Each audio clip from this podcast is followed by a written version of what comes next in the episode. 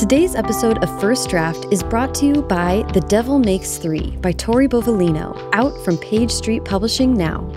Tess is working all summer at her boarding school's library, dealing with intolerable patrons, the worst of whom is Elliot Birch. When the pair accidentally unleash a manipulative, book bound demon, all Tess knows for sure is the demon needs her to maintain its freedom, dead or alive. Part mystery thriller, part gothic horror, The Devil Makes Three by Tori Bovalino is perfect for fans of Maggie Stiefvater and Leigh Bardugo's Ninth House. And it's available now wherever books are sold. Today's episode is brought to you by Revision Season. Revision Season is a seven week virtual masterclass in novel revision led by award winning author Elana K. Arnold. The fall 2021 session of Revision Season will run from October 10th to November 28th, and enrollment is open now. During revision season, Elana sends weekly video lectures and transcripts, followed by a series of assignments designed to help you put this week's lessons into practice. A weekly live call, recorded if you need to listen later, gives writers the opportunity to ask specific questions and a private, moderated forum provides a space for revision season writers to connect with and learn from each other. By the end of revision season, writers will have the tools they need to deepen, enrich, and grow their current manuscript into its next incarnation. Elana has capital T thoughts about how to revise to make a project a better version of itself. And she makes revision feel like a manageable process rather than a scary, chaotic thing. I cannot recommend revision season enough.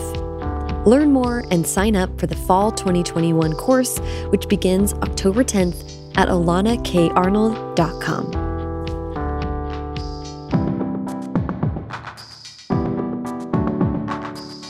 Welcome to First Draft with me, Sarah Enni. This week I'm talking to Kendare Blake, New York Times bestselling author of the Three Dark Crowns series, Anna Dressed in Blood, and more. She's here to talk about her new historical thriller, All These Bodies, and her upcoming YA series set in the universe of Buffy the Vampire Slayer, In Every Generation. I love talking to Kendare. I love what she had to say about the risks that authors take when they move on from a popular series and how to balance reader expectations with our own creative impulses. She talks about the stories that young women are allowed to tell if they want to be believed, and how she played with ambiguity and truth in a true crime narrative. And also, you'll have to listen to hear our kind of existential cone about whether we're writing in Scrivener or Scrivener is writing us. Mm, un- unclear. if you enjoy First Draft, there are lots of ways to support the show. Join the First Draft Patreon, where for 5 or $10 a month, you'll get access to an exclusive community forum, monthly video chats with me, 15% off all First Draft merch, and I'll give you a shout out at the top of an episode, like right now. Thanks to Julie Anderson, Mary Seeberger, Brenna Derrick, Katerina Hybanova, Betsy Myers, Mandy Trecchia, Jessica Sheehan, Catherine Knight, Chris Grabenstein, and Ellen O'Clover for joining the Patreon and supporting the show. If you just want to donate directly to the show on a one-time or recurring basis, you can do that at paypal.me slash firstdraftpod or donate via Venmo. The show is at First Draft Pod on there. The show notes for this and every episode are packed with great links to everything the guest and I talk about, and it's also a great way to support the podcast. First Draft is an affiliate of bookshop.org, so whenever you buy a book through a link on firstdraftpod.com, part of your purchase goes to support the show and also independent bookstores at no additional cost to you. And while you're on the website, check out that merch. Click on shop to look at sweatshirts, stickers, dad hats, etc. Every purchase directly benefits the show. There's lots of free ways that you can help out too. Subscribe to the podcast on whatever app you're using to listen now, and leave a rating and review on Apple Podcasts. I love reading the reviews at the end of episodes, so definitely take the time to do that.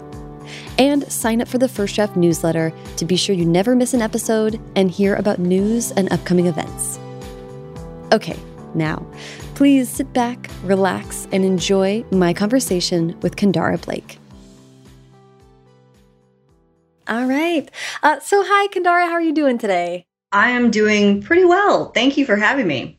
Oh, I'm so excited to chat again. This is not the first time we're talking. We've actually had you on the show for a traditional first draft interview. You were one of the very first people that I interviewed on my initial road trip. So I'll link to that in the show notes. And we had a live event when my debut book came out in 2019. You were kind enough to come out and uh, talk to me and Somaiya Daud, um, which was awesome. But then today we get to talk about what you've been up to since then which is a lot. so yeah. I'm, I'm, really excited about it. So um, we're not going to cover the traditional bio stuff because we did that already. But I do want to take us back a little bit to when you were wrapping up the Three Dark Crown series, which I didn't realize I was listening to an interview with you this morning, and I, I hadn't realized that it had started as two books and then expanded to four. So you've been in that world for quite some time. So what was it like to to wrap up that series? I I was in the world for quite a while. The idea came to me in 2013.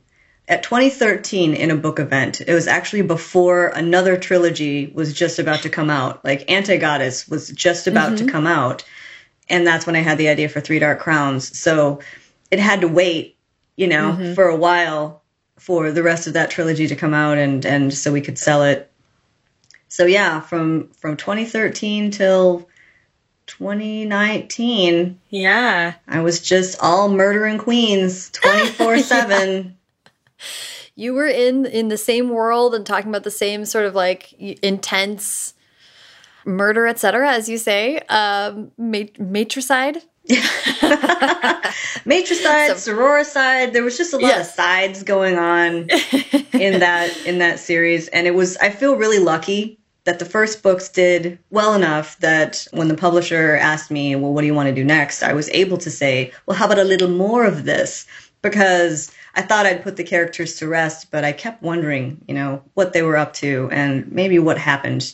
And I wondered if there was just a little bit more to tell. And there was a lot. There were two books worth. And actually, like a, a third kind of pseudo book where I, there's a subplot in the second two books about a blue queen from the past and mm. her sister. And I actually wrote like 50,000 words of that and then just cut it all. It was Whoa. originally going to be like integrated into book three, and then I just cut most of it and just kept like the very pertinent parts. So I actually ended up writing like, you know, two more books plus a bonus book. Plus, we got to do the novellas, mm-hmm. which was um, consisted of the two short novellas the young queens about the queens when they were kids, and the Oracle Queen about the famous last Oracle Queen of Fennbirn Yeah, I got to just just whirl around in that island for a few extra years, just bonus years. I like to think. Yeah. yeah. Oh, that's really sweet. I mean, and that series was a really big deal. It was really kind of a breakout series that people got very attached to. I'm just curious what it feels like for you to step away and try something new. How do you feel about whether readers are going to follow you here or do you miss that kind of place you've been in for so long? I kind of feel lucky in that I've had that experience before. Um, Anna Dressed mm -hmm. in mm-hmm. Blood was what brought me onto the scene, and Anna had, you know, a lot of really fervent followers. And then I mm -hmm. switched and did like Greek mythology Mm-hmm. And that series did not do very well. And then I switched to Three Dark Crowns again, which was, you know, dark fantasy. Mm-hmm. And there's a lot of overlap between readership. You know, people will find me from one thing or another and then they'll find me through Anna and they'll follow to Three Dark Crowns or vice versa. They'll backtrack to Anna.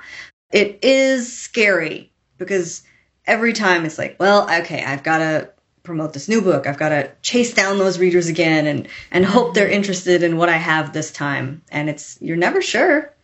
Mm-hmm. You're never sure what people are in the mood for.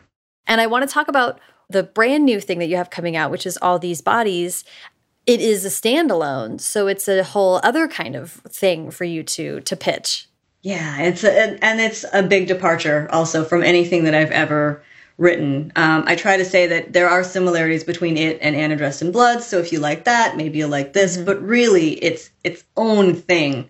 Very much, it's historical. It's set mm-hmm. in the 1950s, mm-hmm. so that's something I've never done before. It's more literary. Yeah, it's it is very scary because just because you like Three Dark Crowns does not in any way guarantee that you will like all these bodies because they are very different. Um, right. Yeah, and there's a but lot of expectations from... that build up. Like you know, you and you want to have that sense. You want to develop that kind of relationship with readers that when they mm-hmm. pick up a book of yours, they kind of trust what they're getting or they have a mm-hmm. sense of what they're in for. And I don't know, I think I've been very bad about that because I'm the kind of writer who's just like, uh, no, I want to do this now. And isn't it weird? and they're like, no, please don't do that. Please do more of this other thing. And I'm like, well, I can't. I can't right now.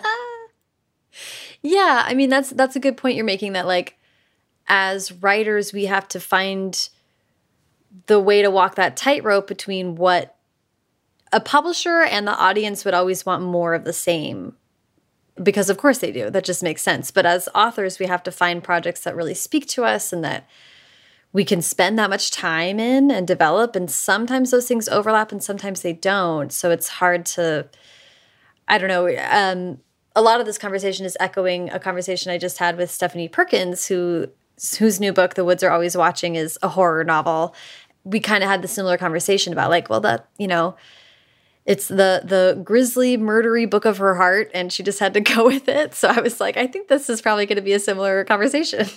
yeah, well, and she went from like the sweetest, most lovely rom coms to the slashiest, bloodiest. You know, yeah. that's quite that's like a hard pivot. she went, yeah, she pivoted hard. But I mean, she does them both so well. So mm-hmm. screw it. Let's let's do it. Yeah. Uh, love it. So let's talk about all these bodies. I have so many questions about this book. Um, I would love for you to give us the formal pitch for all these bodies first, please. Oh yes, I'm I'm impressed with myself because for the first time I I have one. awesome. Okay, so All These Bodies is the story of two teenagers who get caught up in this mysterious murder spree that rips through the 1950s Midwest. Marie Catherine Hale is a 15 year old girl who is discovered covered in blood in the middle of a farmhouse where the entire family, except for the little baby, has just been slaughtered. And Michael Jensen is the 17 year old son of the local sheriff. He's an aspiring journalist, and he is the only one that she will tell her story to. So this murder spree's been terrorizing everybody. It's it's captivated people through newspaper headlines, you know, in the time before cell phones, in the time really before TV journalism. She's been splashed across the headlines and now she chooses him to, you know, find the truth. And the story that she tells is totally unbelievable. The hook of the murders is that despite the bodies being completely drained of blood, all of the crime scenes are suspiciously clean, hardly mm. a drop. So, where did all this blood go? So, I like to think of it as, you know, true crime with a vampire. Which feels appropriate. So, as you say, all These Bodies is really different from your other works. And your author's note, you said there are no spells, there's no opinionated animals. And since the bloodless murders in this book were inspired by the murders of real people, I tried to treat them with seriousness and weight, even as I imparted some possibly supernatural twists. So I, I want to hear about both about what the inspiration was, what what this true crime is that, that you're kind of pulling from, and how you developed in thinking about treating this material and, and how you were going to spin a narrative while respecting that the actual events. Sure. So it was actually inspired by two true crimes that both occurred in 1958 1959 which is when the book is also set i didn't realize that those were just bad years to be alive in the midwest the first of the crimes the true crimes was the murder of the clutter family in holcomb kansas which most of us are familiar with because of Truman Capote and In Cold Blood. He profiled the heck out of those murders, and uh, I, I was fascinated not so much by the murders themselves in that case, but by Capote himself and the way that he basically invented the true crime novel and went to that town, which was a really small Kansas town that had been blown apart by this thing that they never imagined could happen to them, and how he just cracked those townspeople open and got them to trust him. Maybe, you know, maybe they had poor judgment in trusting him, but I thought that the way that he profiled them was very, you know, respectful and very intriguing. And the other crime, the one that fascinated me the most was in 1959 in January. Two teenagers went on a massive killing spree, an 11 victim killing spree. Charlie Starkweather, 19 years old, and his girlfriend, 14 year old Carol Ann Fugate, just raced across the country and just, you know, shot people, essentially. He was convicted and sentenced to the electric chair. She was convicted and sentenced to life in prison. I think she was released after she served like 16 years of a life sentence. But I was very fascinated by Carol in particular. You know, she was just so young when this happened. She was like a child. And she always said that she was Charlie's hostage. But nobody seemed to believe her. Like, nobody seemed mm-hmm. to be interested in the story she was telling, it was more like the story that was being written around her by the headlines, by the media, by even Charlie himself. Yeah, he would say things like, you know, like, oh, we had sex all the time and sex, sex, sex, and we had twice sex on Sundays. Like, I think that was one of his favorite quotes that they had sex every day and twice on Sundays. If you had asked Carol, she would have said that she was a virgin and they never did anything else than like French kiss and she had no wow. idea what he was talking about. She was 14. She didn't even understand what that meant. But once that kind of became known, you know, in 1958, that was not a good thing for a girl to be promiscuous. So uh, it just seemed like she was, you know, I was always fascinated by Carol and public perception of her. And that's what fueled some of it. Yeah, I mean, I did a little reading about this before we talked today, and it was really wild. Like, he, after being convicted to die, was allowed to be the main witness against her, and, which is bananas and like she maintained always that that i mean first of all one of many of the victims are her family and she says that he threatened like he anyway it's a really grisly sad story. And she, I think, is the most recent article I saw was she was petitioning to be pardoned because she, because she maintains still that she was held hostage. Anyway, it is a fascinating story. It's actually been adapted for a lot of like Bruce Springsteen made a song about the, these murders. There was like TV shows and movies about it. How did you first hear about it? I think my first uh, exposure to it was the old TV movie from the 90s. I, I watched it with my mom, like tucked up under the blankets when I was a kid, starring Fairuza Balk. Fairuza Balk played Carol Ann, and Tim Roth played Charlie. Wow. And it was called Murder in the Heartland. It was made for TV, so it was kind of toned down. But even then, it was just, it was such a fascinating story, and I couldn't believe that it was true. And then later, as an older teenager, I think I saw, I came across Natural Born Killers. Mm. You know, that was mm-hmm. partially inspired by the story as well. Yeah. But I, like you, I just found it just so wild that he was allowed to be the star witness. I mean, I know my ex boyfriends are just very reliable when it comes to my characterization. Right. right. Yeah. So, what was the you kind you had a blog post where you sort of talked about how this idea had been like tapping you on the shoulder for for many years, but I'd love to just hear about how it developed. The idea showed up before the idea for Three Dark Crowns. So all these bodies has been around for even longer, but it was so not ready it came it was just half baked and like this little monstrosity with like one eyeball and just like you know runny infected skin. And he's just like hey do you want to work on me? I'm like no i do not. Thank you. I don't even know what you are and you need to just wait your turn. I've got these three queens to deal with. And it was like okay fine. And then when one dark throne was finished and we had to decide what to do next, it came back and it was like, hey, remember me? I've got two eyes now and I might be inspired by, you know, these particular killings. How do you think of that? And I was like, well, that's a little bit better, but it's still too strange. And go away. I, I want to keep working with these queens. And then when Three Dark Crowns was ending and we were deciding, you know, what to do next, it, it just showed up and it's like, now I have a vampire.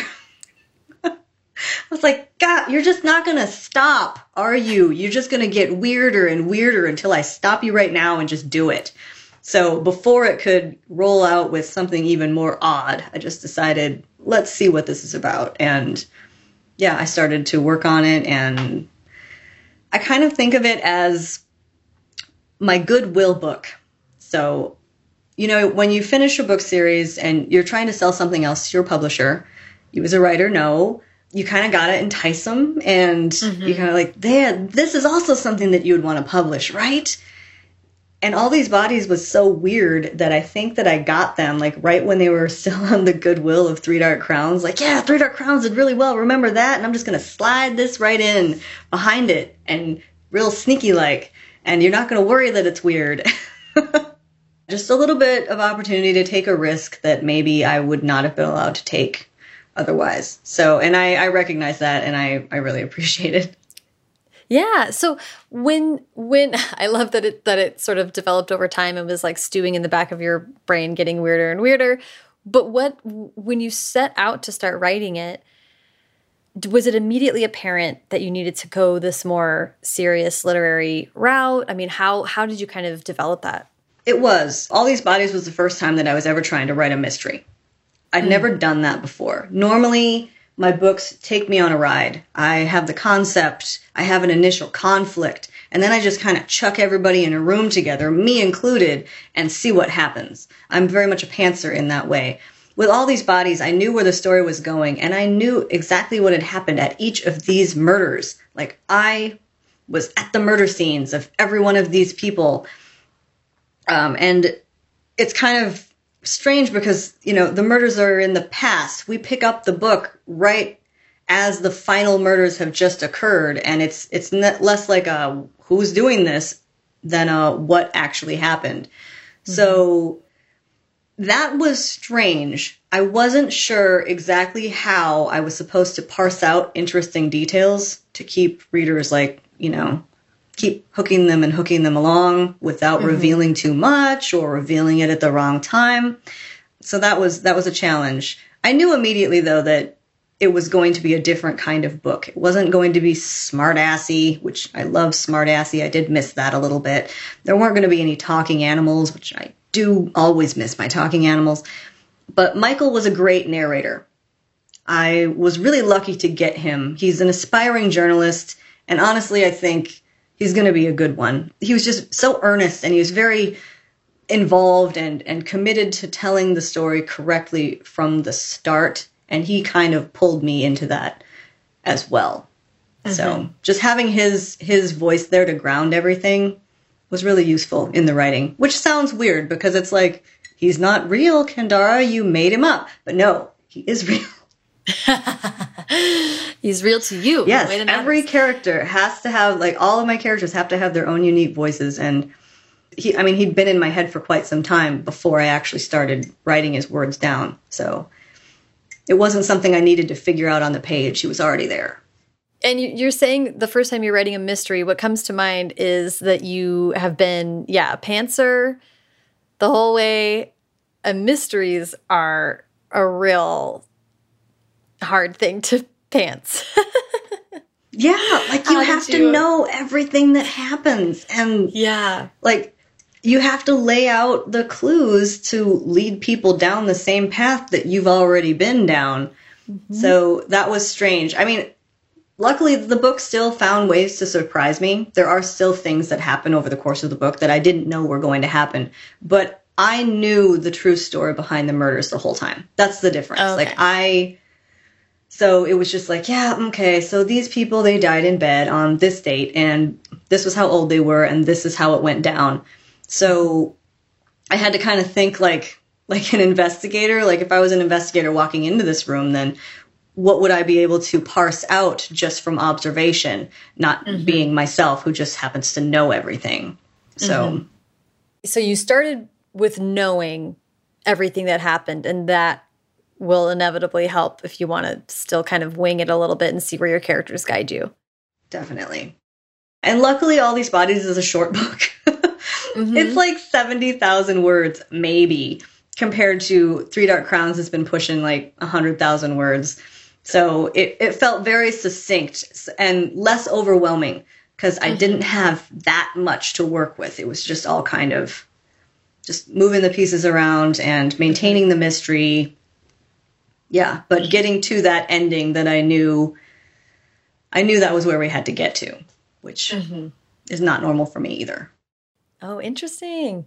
I wanted to ask you know, you're saying Truman Capote and In Cold Blood, also a part of the inspiration here. And Michael, your narrator, is a journalist sort of in the Truman Capote vein.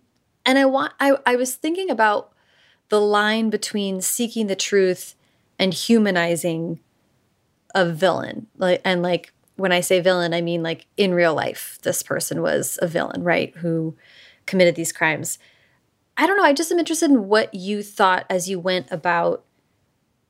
Of course, I'm interested in how journalists, you know, the difference between being curious and romanticizing something. That's a little, it gets a little sticky, especially when you're talking about stuff like this that has real victims and real consequences. How did you think about that and how did you want to explore that in the actual book? Well, that was big, big in mind for the character of Michael. Michael is spending so much time with this accused murderer who everybody thinks is probably guilty and definitely involved in one way or another. Accomplice or victim, you know, you're not quite sure, but she was there. You know that. Mm-hmm. You know that much. She was found covered in their blood. So it got pretty sticky for Capote himself.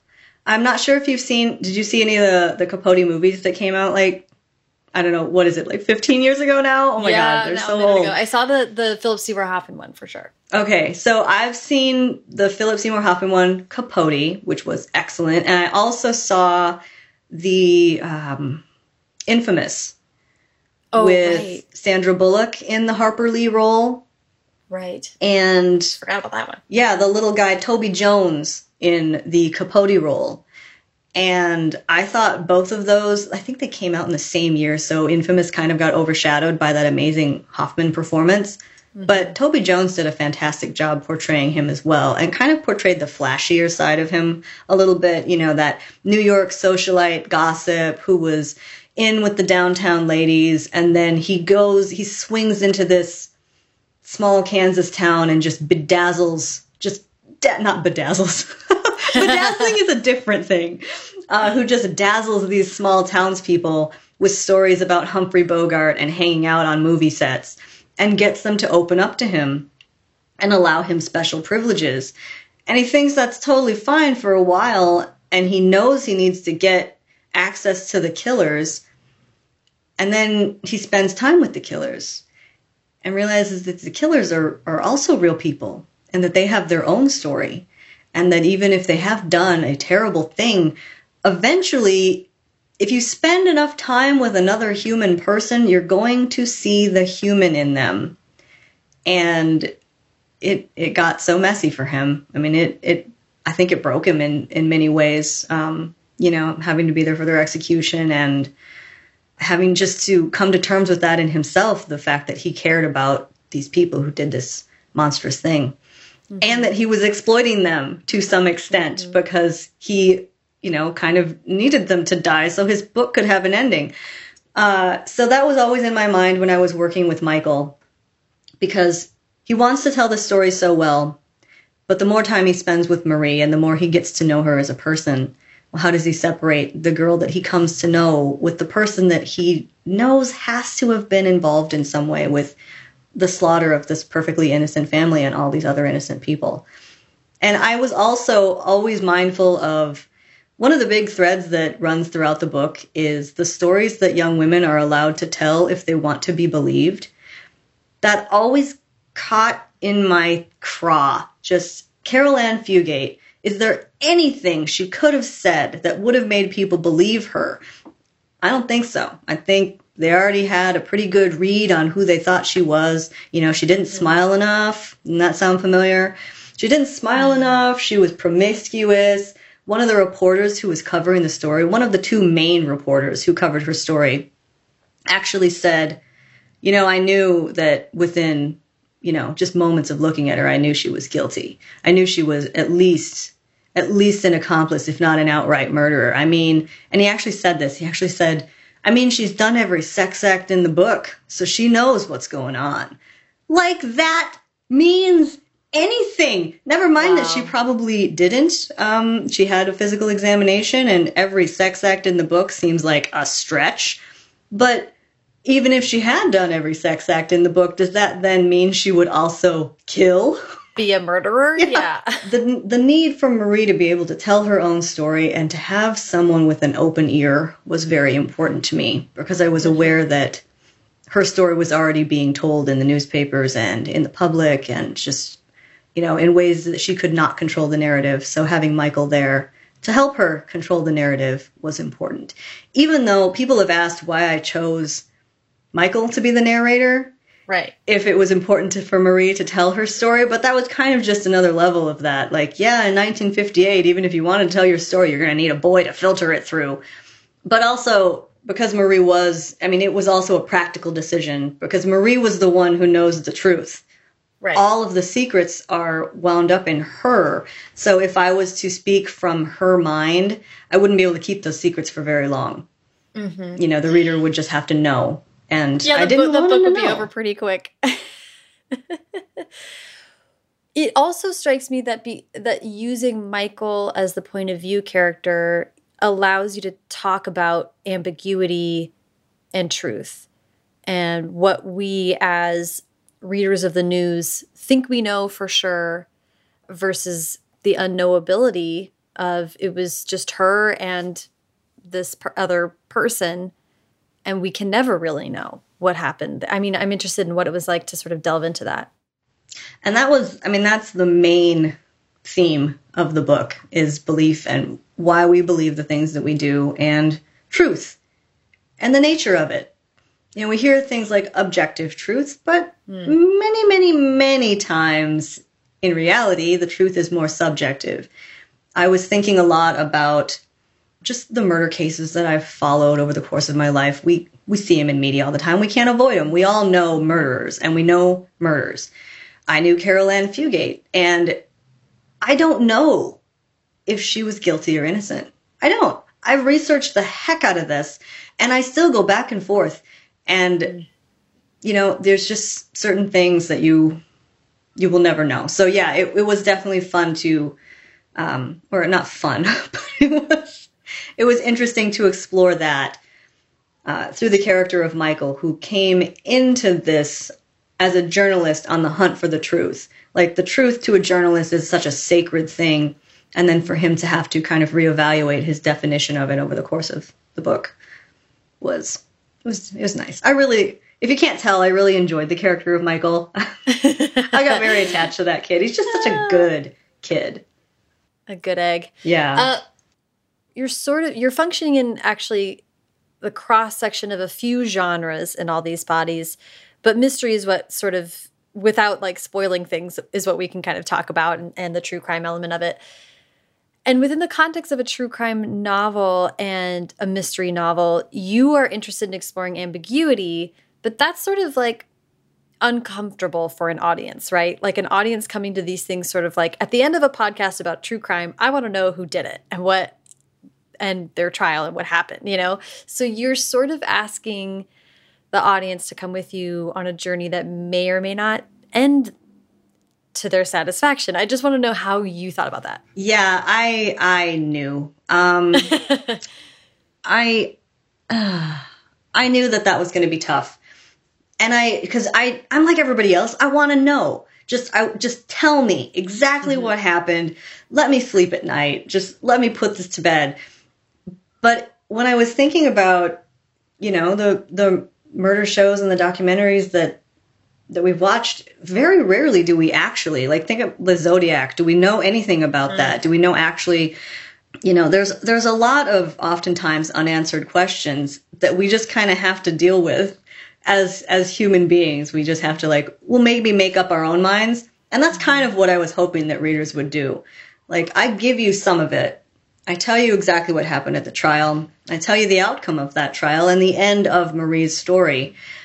But there are remaining, I mean, that whole what really happened thing, it's, well, that's the question that you have to ask yourself. Do you believe Marie? Mm. Or, or do you not? Do you believe this other narrative that's, that's kind of formed around her? And you can look at the evidence. I mean, there's evidence there, and, but there's also questions surrounding that evidence. Um, and I was, I like to think of, there were a couple of cases that I kept thinking back to as I was writing. Um, the case of the Black Dahlia, you know, a young girl basically vivisected and given that horrible smile with razor blade smile. Um, and that was never solved. And she was dumped in broad daylight in like a public space. And that just like, like, how did they not catch that guy? Like, how? Mm-hmm. And there was another murder. It was an axe murder, and a whole family was killed. And they never caught him. He like bludgeoned them all in their beds with the blunt side of the axe. And he left like a bowl of bloody water and like some raw bacon on the table. That must have just driven some investigator just crazy. Like, mm-hmm. what's with the bacon? Why is the bacon here? Were you washing your fingers to maybe make some bacon and then just decided to leave? Like, it, all those unanswered questions and cases of unanswered questions was in my mind as I was crafting the ending, but the ambiguity is on purpose. Like, it's definitely the deliberate. And I wanted to leave space. Um, like I was trying to create like a, a um, a ripping good murder story, you know, something that keeps you turning the pages. But I also wanted to leave room for readers to kind of scratch beneath the surface if they wanted to to dig for you know extra themes and stuff. Mm-hmm. So yeah, I know it's going to drive some readers up the wall, and I apologize for that, but I don't really. but yeah, also authorial intent uh, was for you to. I mean, like I'm interested in what, and I asked this of Stephanie too because it's there's some element to which we're all drawn to true crime. I just wonder for you personally. Obviously, some of this stuff was lingering and you were thinking about it and it was sticking with you. But what do you think true crime? What do you think you're able to access through true crime? Is it like and was writing about it and thinking about it like achieving a catharsis for you, or what do you, what do you think you were working through with it? Oh well, I hmm, I don't know. I think I have a maybe we all have kind of a an interesting, complex relationship with people who can kill. Because we all, I mean, at some point we all ask ourselves, well, do I think I could kill? And you know, those answers vary given the situation. And when I'm watching true crime documentaries, something that I was always, I love the parts where they're interviewing the killers and getting a confession out of them. I love that because it's so fascinating how many of them just seem completely detached. You know, like they've completely dissociated from the entire event. It's not like you think like Ted Bundy if you asked him about his crimes, well, he must have been so precious and pervy about it that you would never get him to shut up. Most of these people were like, oh, you, well, and then you stabbed him. And they'd be like, yeah, and then I stabbed him. Well, how many times? Well, I think I stabbed him about 14, maybe 15 times. And there's like no emotion in their voice whatsoever. It's like they're watching it on a video feed or something. Mm-hmm. They've completely gone somewhere else. Or maybe they're psychos and there really is no attachment to that moment. But that question, dissociation or psycho, like that was that's always been really fascinating to me. So getting to write in a true crime kind of mindset and just getting to think about those kinds of people, the people that do crime was really mm-hmm. I don't want to say fun, but it's fun. Well, and because you were working with the point of view of our narrator who is not a participant, you sort of were you were holding on to the string of humanity there. I mean, there's sort of a groundedness to to that that you can you can address these things and really get close to this person who may or may not have done these horrible things or certainly witnessed them and was there. But you you you can bring it back and check in with the reader a little bit. I think that that was smart from from an audience perspective and, and maybe from an author perspective. Yeah, I Marie, the the accused murderer, Marie, she was the hardest character to know for sure. She changed the most through drafts. Um, at first, she was very, very capable. She was extremely well spoken, almost eloquent. I think I was almost aiming towards like the ah, yes, well, this girl sounds almost Victorian, so you could mm. believe that she could, you know, be on this vampiric spree with this vampire. And, you know, I was going very interview with the vampire style, mm-hmm. and it wasn't working. That's when I realized, you know, no, I've got to go more back to Caril. Like, she's got to be an angry kid. She's got to be an angry girl. And once I let her start running at the mouth, you know, and start yelling, that's when I finally got to know her. So yeah. she didn't really take shape until the second or third draft. Ooh, interesting. Um, I'm interested from just a, from a nuts and bolts perspective. Did you always know it was going to be shorter like this, or was was length something that surprised you? I always felt like it would be short. I just wanted to keep the story moving along, and there were only so many reveals that were going to happen, and most of it, most the bulk of the book is Michael's interactions with Marie, mm -hmm. and parsing out the story of of what happened. Um, initially, there were a lot more of her recounting the actual details of the murders, but those, I mean, they're very similar, you know, like, mm-hmm. ah, you've heard one throat slashing, you've heard them all. So I, I cut them down to the most pertinent ones. And it's also in, I mean, it's first person, you know? Mm-hmm. And Michael's voice is very journalistic. He's mm-hmm. not, um, he tends not to be very flowery. Uh, he's trying to write it in in a in a kind of like a journal entry style. So I had the sense that it just wasn't going to be a fantasy with a ton of world building or a magic system that I needed to mm-hmm. define. Um, and the cast of characters is also very small. It's Michael Marie in a cell. It's you know the town sheriff it's a couple of townspeople from this small town that is, you know, terrorized and changed through this experience. Mm-hmm. So, yeah, I just had a very, I, I always knew it was going to be short. Sometimes when people, uh, as you say, your experience has been to write books that are longer. I feel like sometimes I've talked to authors who are like, oh, the next one will it'll be short. It'll be nice and short, and then it like, it's like 150. so it's it's admirable that you actually were able to keep keep the story in kind of the wheelhouse you wanted it to be in without letting it sort of grow outside of its boundaries. I think, and, and that's the kind of writer I am. I think if you look at the Three Dark Crowns books, they got a little longer towards the end. Like Three Dark Crowns is the shortest. I think it's maybe mm-hmm. 83,000. And then One Dark Throne is like 90 some. But then the rest of them all stayed like 90 some. Like, mm. I just have like a, I don't know what that is sometimes I get it's like a rhythm. Yeah, I get afraid that my um, I work in Scrivener, which mm-hmm. I know you do as well, mm-hmm. and I set my little handy Scrivener daily word count, and so I feel like is this is this influencing the rhythm with which I craft my chapters? Oh. Are my oh. chapters becoming tailor made to this word count? And as I see mm. my little green bar rising, do I start just like wrapping it up and bringing it in for a landing? And That's I interesting. I don't know. yeah, yeah, because because uh, as you say, I mean, you you are not typically a plotter, but you are a pretty regimented writer. You're a very, I think, am I right that you write pretty much every day? I well, mm, if left to my own devices, I would not write every day, but I mm. have lately been on the kind of deadlines that require it. Mm -hmm. uh, so yes, I will write a minimum of four days, and I'll squeak in five or six if I can. Mm-hmm. But yeah, yeah.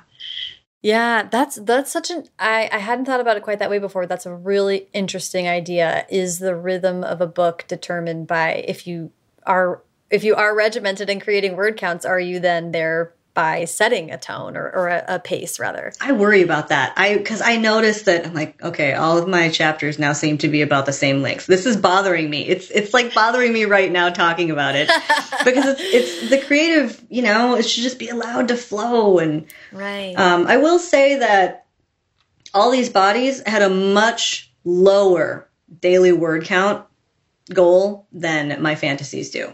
Like mm. I would be in the chair for the same amount of time, and if I got a thousand words out, I, it was a good day because Michael was very deliberate. Like every hmm. word choice was important. The way that he hmm. told the story was important.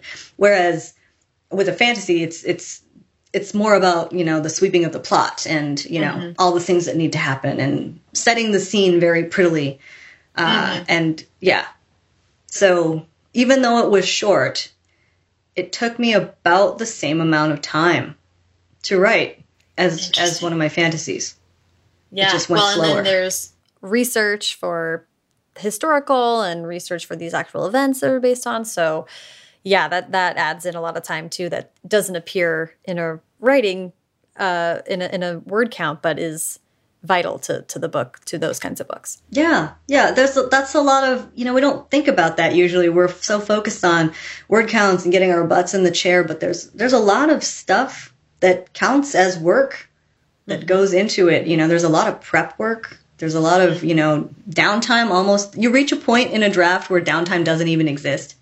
Yeah. Right. Because you're right. like the minute you log off, you start thinking about what you're going to do the next day. And then even if you stop thinking about that, you're just subconscious. And you know your subconscious is doing stuff because you'll just be in the shower and just be like, and then it's on fire. And you're like, well, I clearly wasn't thinking about that right now. So I'm still working on this dumb book. Mm-hmm, mm-hmm. It's growing its second eye and mm-hmm. what have you. yeah. Thank goodness. Uh, um, uh, I want to talk about In Every Generation. Yes. Oh my God. Let's talk about Buffy. Are you a Buffy fan? I am a Buffy fan. So I, um, I'm going to tell you my history with Buffy, and then I want to hear yours and how this came about. But I start. I watched Buffy in probably like later in like 2012 or 13 or so. So I was a adult person. I don't know what I was doing instead of watching Buffy when it was on because I'm exactly the right age for it. But then I was like doing some data entry job and Buffy was on I just binged the hell out of it and just watched the whole thing and was obsessed, am obsessed. Absolutely incredible TV show. So, I want to hear about your history with it and how this opportunity came about to write a YA continuation of this canon. Oh, uh, it feels like a miracle. and also, I don't want to say a curse, but it feels like a miracle and a curse. So, after Three Dark Crowns wrapped up, after Five Dark Fates, I was tired. I was really, really tired. I'd been on a crash schedule for that many years, and mm. it was like the first time that I'd ever been behind on things. Like I was turning in things late, things were just, mm. it was getting away from me. And I'd been with the Queens and on Fennbirn for so long that I thought, you know, I just, there's pressure on YA authors in particular to put a book out every year. And I was like, no, I cannot. I'm so sorry. I, I wish I could, but I, I need time to reset. I need time to catch up. I need time to leave Fennbirn behind and mentally move on to do these other things. So when we sold all these bodies in the deal where we also sold my next fantasy series, it was always set to come out, like all these bodies was always going to come out two years after Five Dark Fates. Little mm-hmm. breathing room. I was so excited about the breathing room. I was just looking at my calendar and it was just this broad expanse of time. And I'm like, I'm going to do this kind of research and I'm going to read this many books and I'm going to do, you know, I'm just going to flail around in it. And then my agent contacted me and said, Disney would like you to write a spin off continuation of Buffy the Vampire Slayer. What do you think? And I said, What do I think? I, I think yes, but no, I can't. Like I just cleared my schedule and I have, you know, all this beautiful time. And then I was like, but you know, it's Buffy. And so, yes, I will do this. I will do this one book. And she's like, it's three books. And I was like, damn it. and I'm like, okay, magician woman, when do you think I'm going to have time to do these three Buffy books? And she's like, well, my agent is very calm. She's always chill, no matter what news there is, good, bad, whatever. It's always the same soothing, wonderful tone of voice.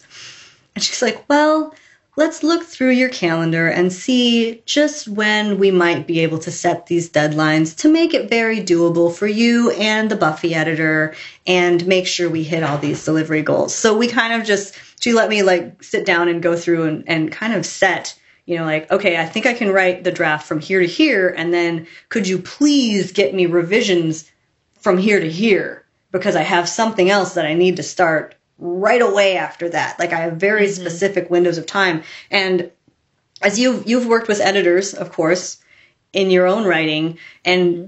usually we're kind of like I at least like to be very flexible with my editor's schedule because I know that she is juggling so many more projects than I am. I'm focusing mm-hmm. on my one book and she's like focusing on 25 and trying to shepherd each of them through to publication. Mm-hmm. So if she tells me that she needs an extra couple of months, well, that is a okay because mm-hmm. I know that she needs them. But in this case, I was like, I really can't. I need. I really need you to get them to me at this at this point. And luckily, the editor of Buffy, Jocelyn Davies, and for a moment, Kieran Viola, they were like, yeah, fine, totally cool. I'm like, sweet. And we were able to make it happen. And it was the most fun thing ever.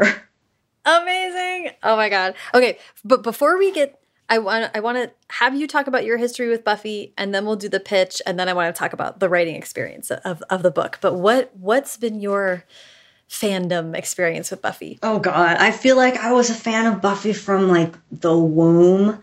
Um I I used to make my mom like if I had stuff to do, I used to make my mom tape them on old VHS tapes like when they were first coming out so mm-hmm. that I mm-hmm. wouldn't actually like miss the episodes.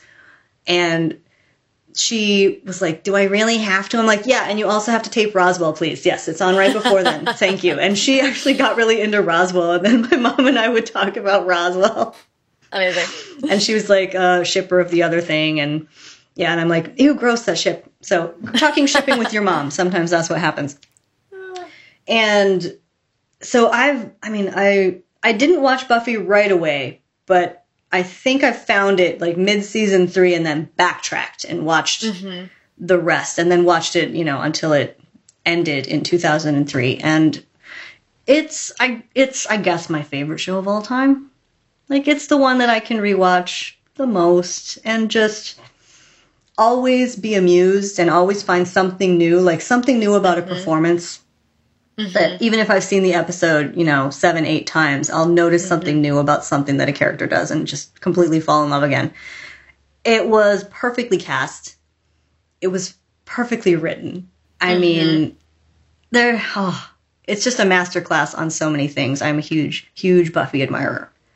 Yeah, as a writer, some of the stuff that, I mean, they gave themselves unreal challenges. They pulled off wild season long arcs. Like as a writer, you watch it and you're just like, and though that was back in the day when TV shows were like 21 episodes a year. It was like, how in the world did this possibly happen? This like little miracle for eight seasons that it changed networks. I mean, that was so dramatic when it was like actually happening. And it was so, it's a different kind. I think you develop a different kind of fandom when you have to wait from week to week and in the season break because oh, you're talking you, to a Lost fan here. Yeah. It is you so, have so, so much different time. from when people binged it.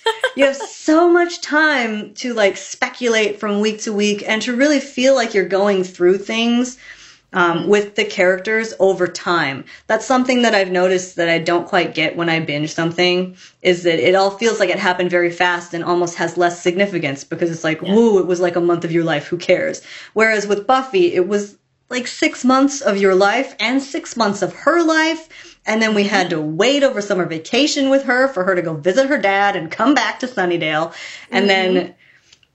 Uh, or die. Yeah, or die and come back from a hell dimension. Whatever. Whatever she was doing, you know, we had to wait for her as fans. And then we got to, you know, like come back with her for every school year and kind of grow up with her. You know, it's very, mm-hmm. yeah. So it was, it was a special it was a special kind of fandom. I think it it it was very formative in my sense of humor, mm-hmm. which is why I felt like I could write it because I'm like, mm-hmm. well, yeah, I, I have a Buffy sense of humor, so yes, I can write Buffy jokes. I get them.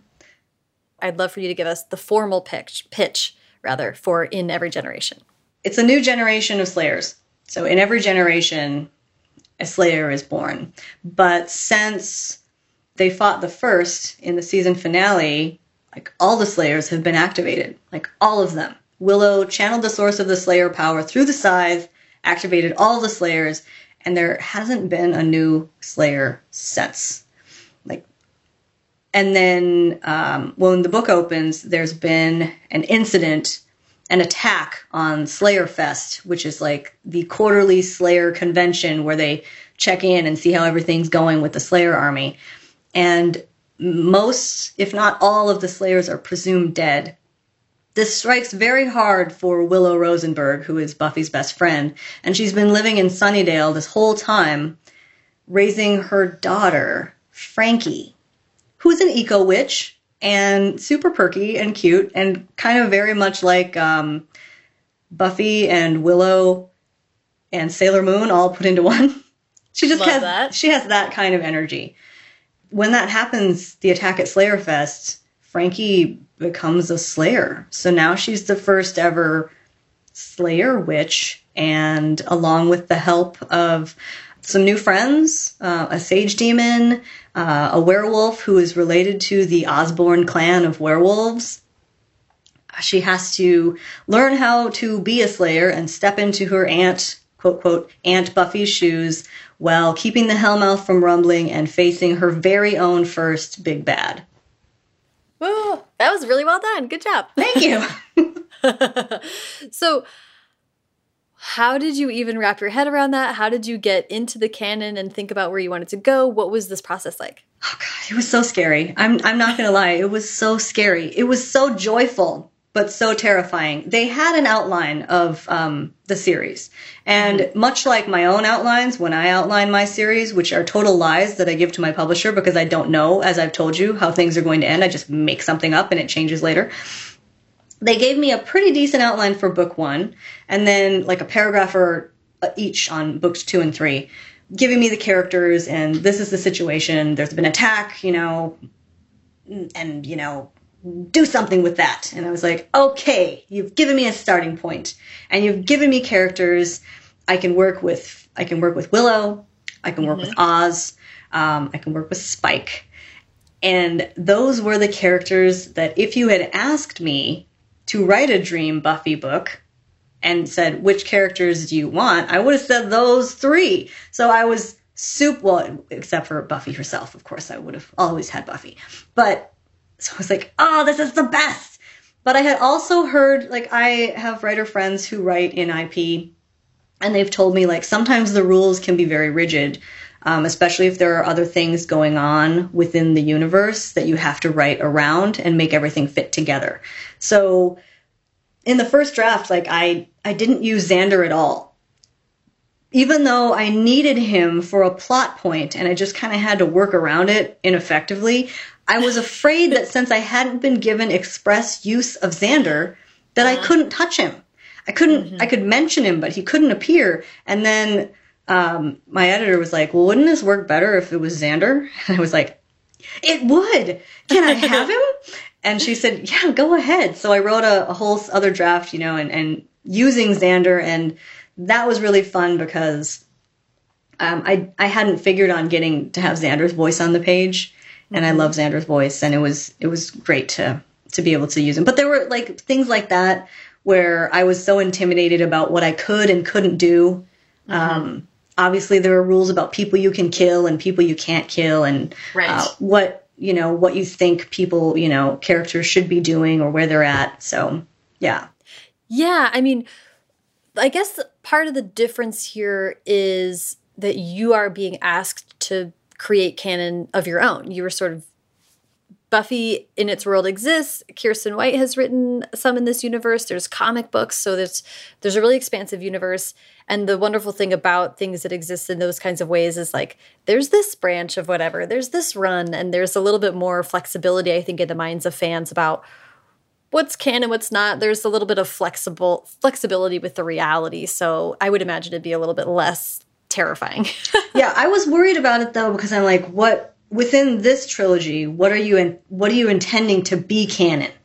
Mm. And they just the shows.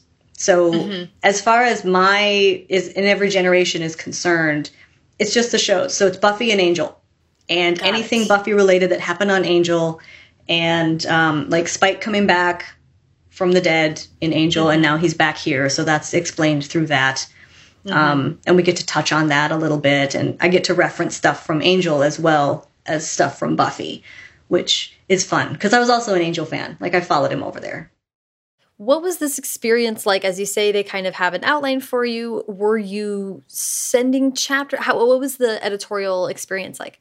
I I drafted the whole thing over a summer. So, and I'm doing the same thing over this summer. Like I wrote the first book last summer, and book two this summer, book three next summer, and I've basically just got like from June to September. That's Buffy, mm -hmm. and that's what I'm doing with my time. And then I just turned it in. And I was kind of worried because I was like, well, okay, you gave me this jumping off point and then you gave me like the rest of it, but I kind of like chucked the rest of it out and just went in a similar but different direction. Mm-hmm. And then I think at the end of their proposal, they had like some snarky send off like and then they went out for pie you know like hmm yeah yep. save the world and then we go out for pie and i think that's basically all i did. I like at the end they do go out for pie, but the rest of it was totally not, you know, like I created my own big bad. I I had my own, you know, character development and it was yeah. So no, it wasn't I just gave them the whole thing and then hope they like where I went with it and they did. So yeah. Love that. Yeah, and then That's we awesome. went back and forth a few times. I think we went through like two or three rounds of um, big bigger edits and then two or three rounds of line level edits and then the arcs came out and then we still hadn't gotten our sensitivity reads back so it went through like one more even mm-hmm. after the arcs so yeah but it's fun every time like that yeah. is the thing is buffy is so much fun especially I can imagine you're balancing it with all these bodies or coming off of like the dark fantasy stuff. This is so humor forward. And I know you as a very funny person, so it is funny to think that you just had to spend all this time in this world where you really were, were restraining yourself and being a little more literary, a little more like serious, and then getting the chance to kind of bust out. Yeah. Oh God, I just I went hog wild. Like I went wild with with um with the just nothing is serious. When I was writing in every generation, it was during the pandemic you know? So it was uh-huh. a very very dark time and i was using my writing as an escape. I think like many of us were like let's just get out of this reality and hang out in something mm-hmm. that's infinitely better. Even zombie fiction would be better at this point i was going to say hooray demons. Yeah. Yes anything. Um, murders it's great. I love it. But my only goal was to channel like if, if you watch buffy you know she she matures and the show matures along with the seasons Mm-hmm. So with the first book of every generation, I was really trying to channel like those early season kind of energy because Frankie is young. She's barely 16 when the book opens, much like Buffy was young. Mm-hmm. And Buffy came into the series as a as an experienced slayer. You know, she'd already got some confidence. She'd been a slayer for about a year before she shows up in Sunnydale. Mm-hmm. So she's she's kind of already got some Slayer swagger where Frankie has none. She's so just like out of her depth and she's a real tryhard. That's that's my Frankie. she's she's such a tryhard and she's gonna get it in the end, but by golly, she's gonna look pretty foolish for a while. So I was I was really wanting to for it to feel like a classic Buffy episode mm-hmm. and have the things about Buffy that I found super nostalgic. I wanted check-ins that were believable with our our beloved characters. I wanted to write a Willow that you could believe this could be Willow mm-hmm. as a mother. Um, I wanted an Oz that this could be Oz if he's trying to raise his teenage nephew werewolf. Um, mm-hmm. This could be Spike. Well, you know, he's Spike. And I wanted Scooby meetings in a library. I wanted patrols through the cemetery. I wanted a big bad who's like kind of wacky and zany, but also super evil. And of course, I wanted a, a hot, swoony demon. Like, mm-hmm. that is a Buffy staple. I'm sorry, he needs to be included. So I just wanted all of that, and it really saved my my quarantine summer. Like, it was so much fun. And in short, do you watch Cobra Kai? Uh, yes, I've only seen one and a half seasons, but I, I was obsessed with it. I am obsessed with it, and that is what I was trying to do with Buffy. I was trying to Cobra Kai the hell out of it. I think what Cobra Kai does so brilliantly is it gives you just enough of a callback to give you mm-hmm. that like it's not it doesn't even the nostalgia in Cobra Kai does not feel shoehorned in whatsoever. It's just like right there. There it is. Mm-hmm. That's what I want. I want the waxing on and the waxing off, but I want it within a story that is an updated, you know, full of heart story in itself. I wanted it to pull from the zeitgeist that surrounded Buffy in the years after the show ended, like mm-hmm. Cobra Kai did by making Johnny the the character focus. Yeah, you had a, a, wonderful quote where you said, if you want to visualize the writing of this book, just imagine the iconic scene from Singing in the Rain, except instead of Gene Kelly, it's me. And instead of that wet street with that lamppost, it's Sunnydale Cemetery full of vampires. Which is a really great mental mental image. That was pretty much it. That was my summer, just swinging through Sunnydale Cemetery. So on your Instagram, you've also been keeping your followers updated on writing the next fantasy series you mentioned. And the code name is Amazon Jedi's. What can you tell us about it? You you had features a Fennbirn queen after her reign and after she's left the island. Uh, spoiler alert: she's a famous war queen, and I freaking love her. so we have that much information. But what can you tell us about it? Yes. So I kind of worry that there's a a misconception that it is another Fennbirn book. It's not. It's not. The Fennbirn Queen is in it, and she she is a character, and she's more of a character than I intended. I kind of intended for her to be a cameo. But if you mm-hmm. know anything about Fennbirn Queens, they do what they want, and she she was like, "No, I'm in it now. Deal with me." and I ended up having so much fun writing her. But Amazon Jedi's the first book should come out in 2023, so it it got pushed back a year. I that was my fault. I didn't realize I miscalculated. Remember when I said that I laid out my calendar for like I I guess I must have input like an extra 12 months in there cuz I thought I had time to write book 2 and I didn't.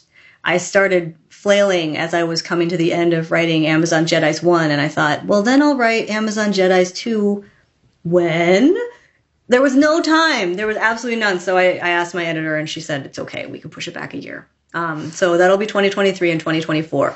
And Amazon Jedi's is the perfect code name for it because that is what it is. It's like if the Jedi Order was like Amazon. So if you are if you are into, you know, strangely enough, the prequels, the Star Wars mm-hmm. prequels, Mm-hmm. Um, if you like that, like Obi Wan and Anakin apprentice master energy, there's a lot mm-hmm. of that in Amazon Jedi's because it's about um, a young girl, an orphan, a foundling who is found by the Order, and then now she has to prove herself and pass her tests to become a full member of the Order.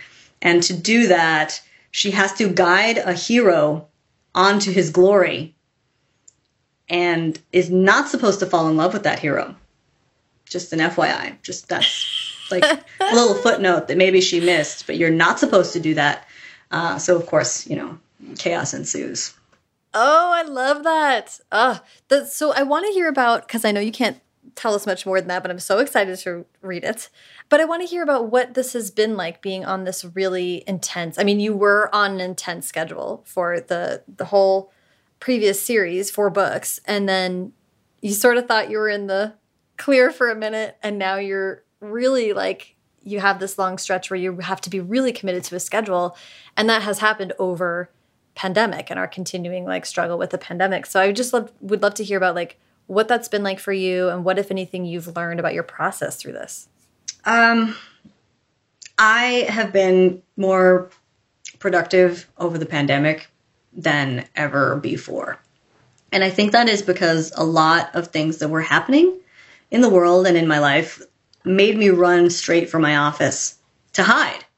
I wanted to get away from everything. Um, over the year, the first year of the pandemic, my mom, who is um, mentally ill and physically disabled, came to live with me, and I became her caretaker, like her 24 7 caretaker, which was an adjustment. And um, not to say that I was running away from my mom, but I was totally running away from my mom. We've all been there. She's and she would be like, "Yeah, you know, yeah, my mom and I have that kind of relationship where we just yell at each other and it's fine. It's fun."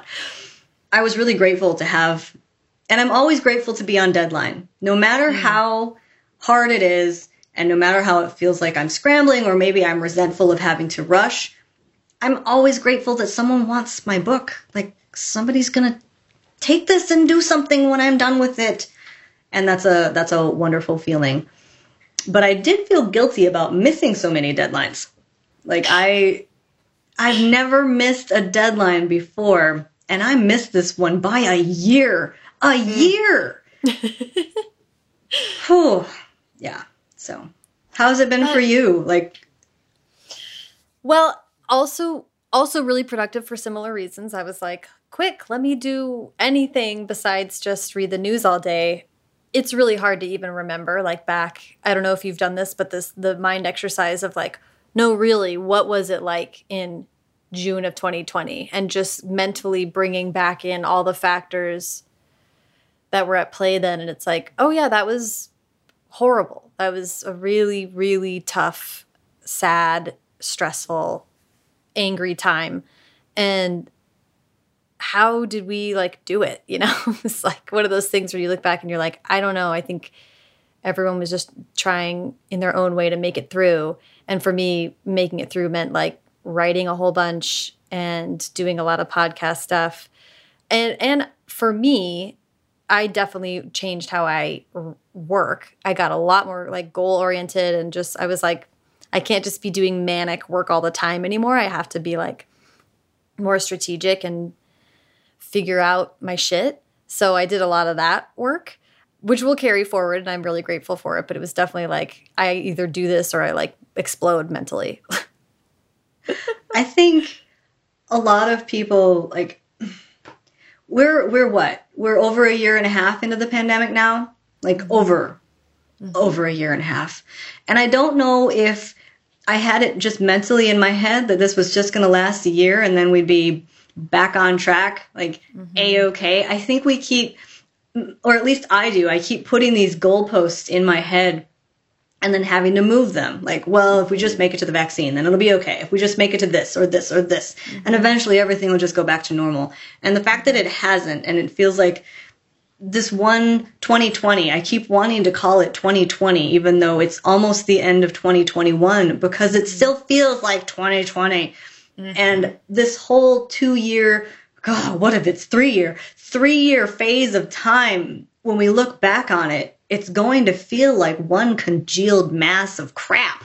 Like it's just going to be the blurry, like, I have no idea what time it is. I, I have no concept of, you look back and you think like, oh yeah, that was like nine months ago. No idea. I have, it, there's yeah. no sense of that. It's the same thing every single day Mm-hmm. And so, with no breaks, and it, it, feels like I live in the Pacific Northwest, so we have very subtle change of seasons too. So mm-hmm. that doesn't help because it feels like mm-hmm. all the mm-hmm. same. You're in California, you know what I mean? Yeah. So, yeah, it it's really really odd. I've been talking to friends about like, what do you think? You know how when you and forgive me for bringing 9/11 into this conversation, but you know how when you look at movies that came out like the summer before 9/11 happened, and you're like, wow that was a different world. And like art just shifted because the because america shifted and people what people were and i've been reading this book about directors that served in world war ii and how their art changed after they came back from that. So it's definitely on my mind like what is it what's the landscape going to be? I, you know i like to think that we're going to be impacted by this in maybe positive ways like thinking differently and more realistically about what's important, et cetera, et cetera. But what do you think you could see changing as a result of this? I, I mean, I definitely think that people will have been changed. We're, we've had to come up with a lot of um, coping skills that we didn't have before. And looking back and seeing how art in particular and the things that we consume, the things that we create changed, I, I have no idea. I couldn't even hazard a guess. If I had to hazard a guess about the immediate after, it would be a strict air of refusal, just denial. I don't want to reflect on this time. Right. I don't want right. to read fiction about the pandemic. I do not. I want anything else. I want anything else. Yeah, and that's but and that's why like again, forgive me for like the the 9/11 is such a tortured like metaphor for the but like we didn't all of a sudden see a rash of novels or books or movies about 9-11 directly. It was more like we've all changed. And like the tone of sort of everything it was like indirectly influential in all these things. And that's what i was thinking like because i'm with you. I am not going to watch like a pandemic rom-com or like god knows like whatever the you know none of that. But there's absolutely going to be just like shades of it in every other thing. And and working through how this affects all of the rest of our lives like that's going to be i think the fertile landscape. Well and it's it's going to be i think it'll be more. I think it'll be larger. It'll be more expansive than 9-11 because while 9-11 affected us in the way that we saw the world and the way that we understood the world changed 9-11 was something that very few of us had to actually go through, had to actually mm-hmm. endure. Um, I didn't lose any family personally in 9 11. I don't think that's going to be the same as we come out of this pandemic. It's going to have, even for those of us who are lucky enough to not lose somebody that we love and know, mm-hmm. we all still had to live through the experience of it. It was, this is a shared, this is worldwide. Mm-hmm. We have mm-hmm. all had the same 18 months. And yeah. I I have no idea. How, I mean, how, what can we say? Like, did you? I, I saw um, like a nature documentary about how nature came back to life over the year that we weren't in it. You know, oh, how boy. whales yeah. came back and seabirds had like their best breeding season in like 50 years and just different ways that um, nature has rebounded without humanity encroaching on it. Like, what is the last thing? Like, this whole thing almost feels like a huge experiment. Like, the whole. There's. There's been no other phenomenon that has affected humanity in the way that this has affected the entirety of humanity. Us mm-hmm. staying in had visible effects on the whole planet. Mm-hmm. Like, there's there's nothing like that. Right. And this is why I mean like there is no answer to it. It's we're all just going to have to wait and see, but I will say that the one um, I talked to a literary agent and I really I can't remember now uh, who exactly it was, but they were like all I can say is the stuff I'm seeing from my clients is weird. I was like, great. I'm down for that. Like everyone yes. gets a little kooky. We've all been inside. Just mine mine in there, see what's there. Let's get weird for a while because we got to shake things up. That's how yeah. it really feels. Well, that was such a tangent, but thank you for going with me on this because it's something that's like obviously top of mind, especially for artists. I'm just like, what is it going to what's going to be relevant what's going to be interesting but i'd love to wrap up with advice you know i would actually i'd really love to hear advice for people who might have the opportunity to write in a canon or in an ip environment like if you've learned anything about how to coordinate with people or how to when to really just go with your go your own way or I don't know if you have any thoughts on that. Well, a lot of that advice is going to be kind of premature because a big part of it is going to be how the book is received. Mm. And I keep telling myself this, even though it's hard because Buffy is filled with so much joy and the writing of it is filled with so much joy. And the book itself is very lighthearted. Um, it's not it's not like season two heavy. It's not doesn't have that drama because it's an introduction to the characters. Mm-hmm. You, you need to get to know them before I can really rip them apart and have you care about it. So, Kiersten White, who you mentioned wrote The Slayer and the Chosen books, has been so like the minute the announcement came out, she she DM'd me and she's like, "Oh my god, hey, I'm so excited for these books, you know, and and if you ever need anything, you know, just whatever." And that has been um, like if you if you are writing in an IP and somebody who's written in the IP makes that offer for you, like take them up on it because it has been just knowing that she's there and if I have like a Buffy panic moment, I can just be like, Kiersten, am I doing this mm-hmm. wrong?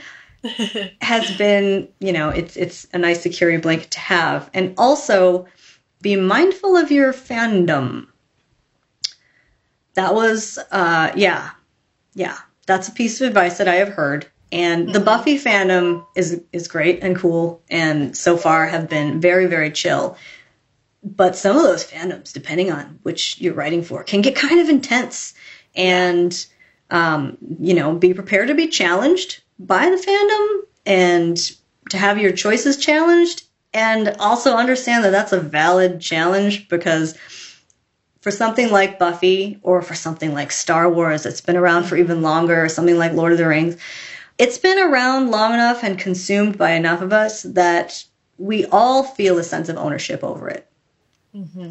And you're not going to please everyone. And some fans who, despite sharing a love for it like you do, are going to feel like you did it completely wrong.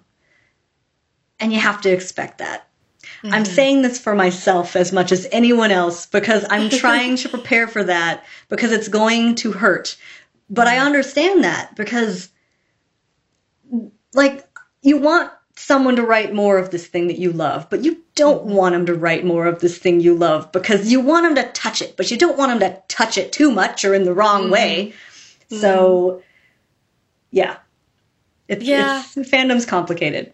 Oh, Kendare, this is so fun. Thank you so much for taking giving me all this time today. Oh, well, thank you for having me. And I I hope that we can do this someday again, like in person and just hang out.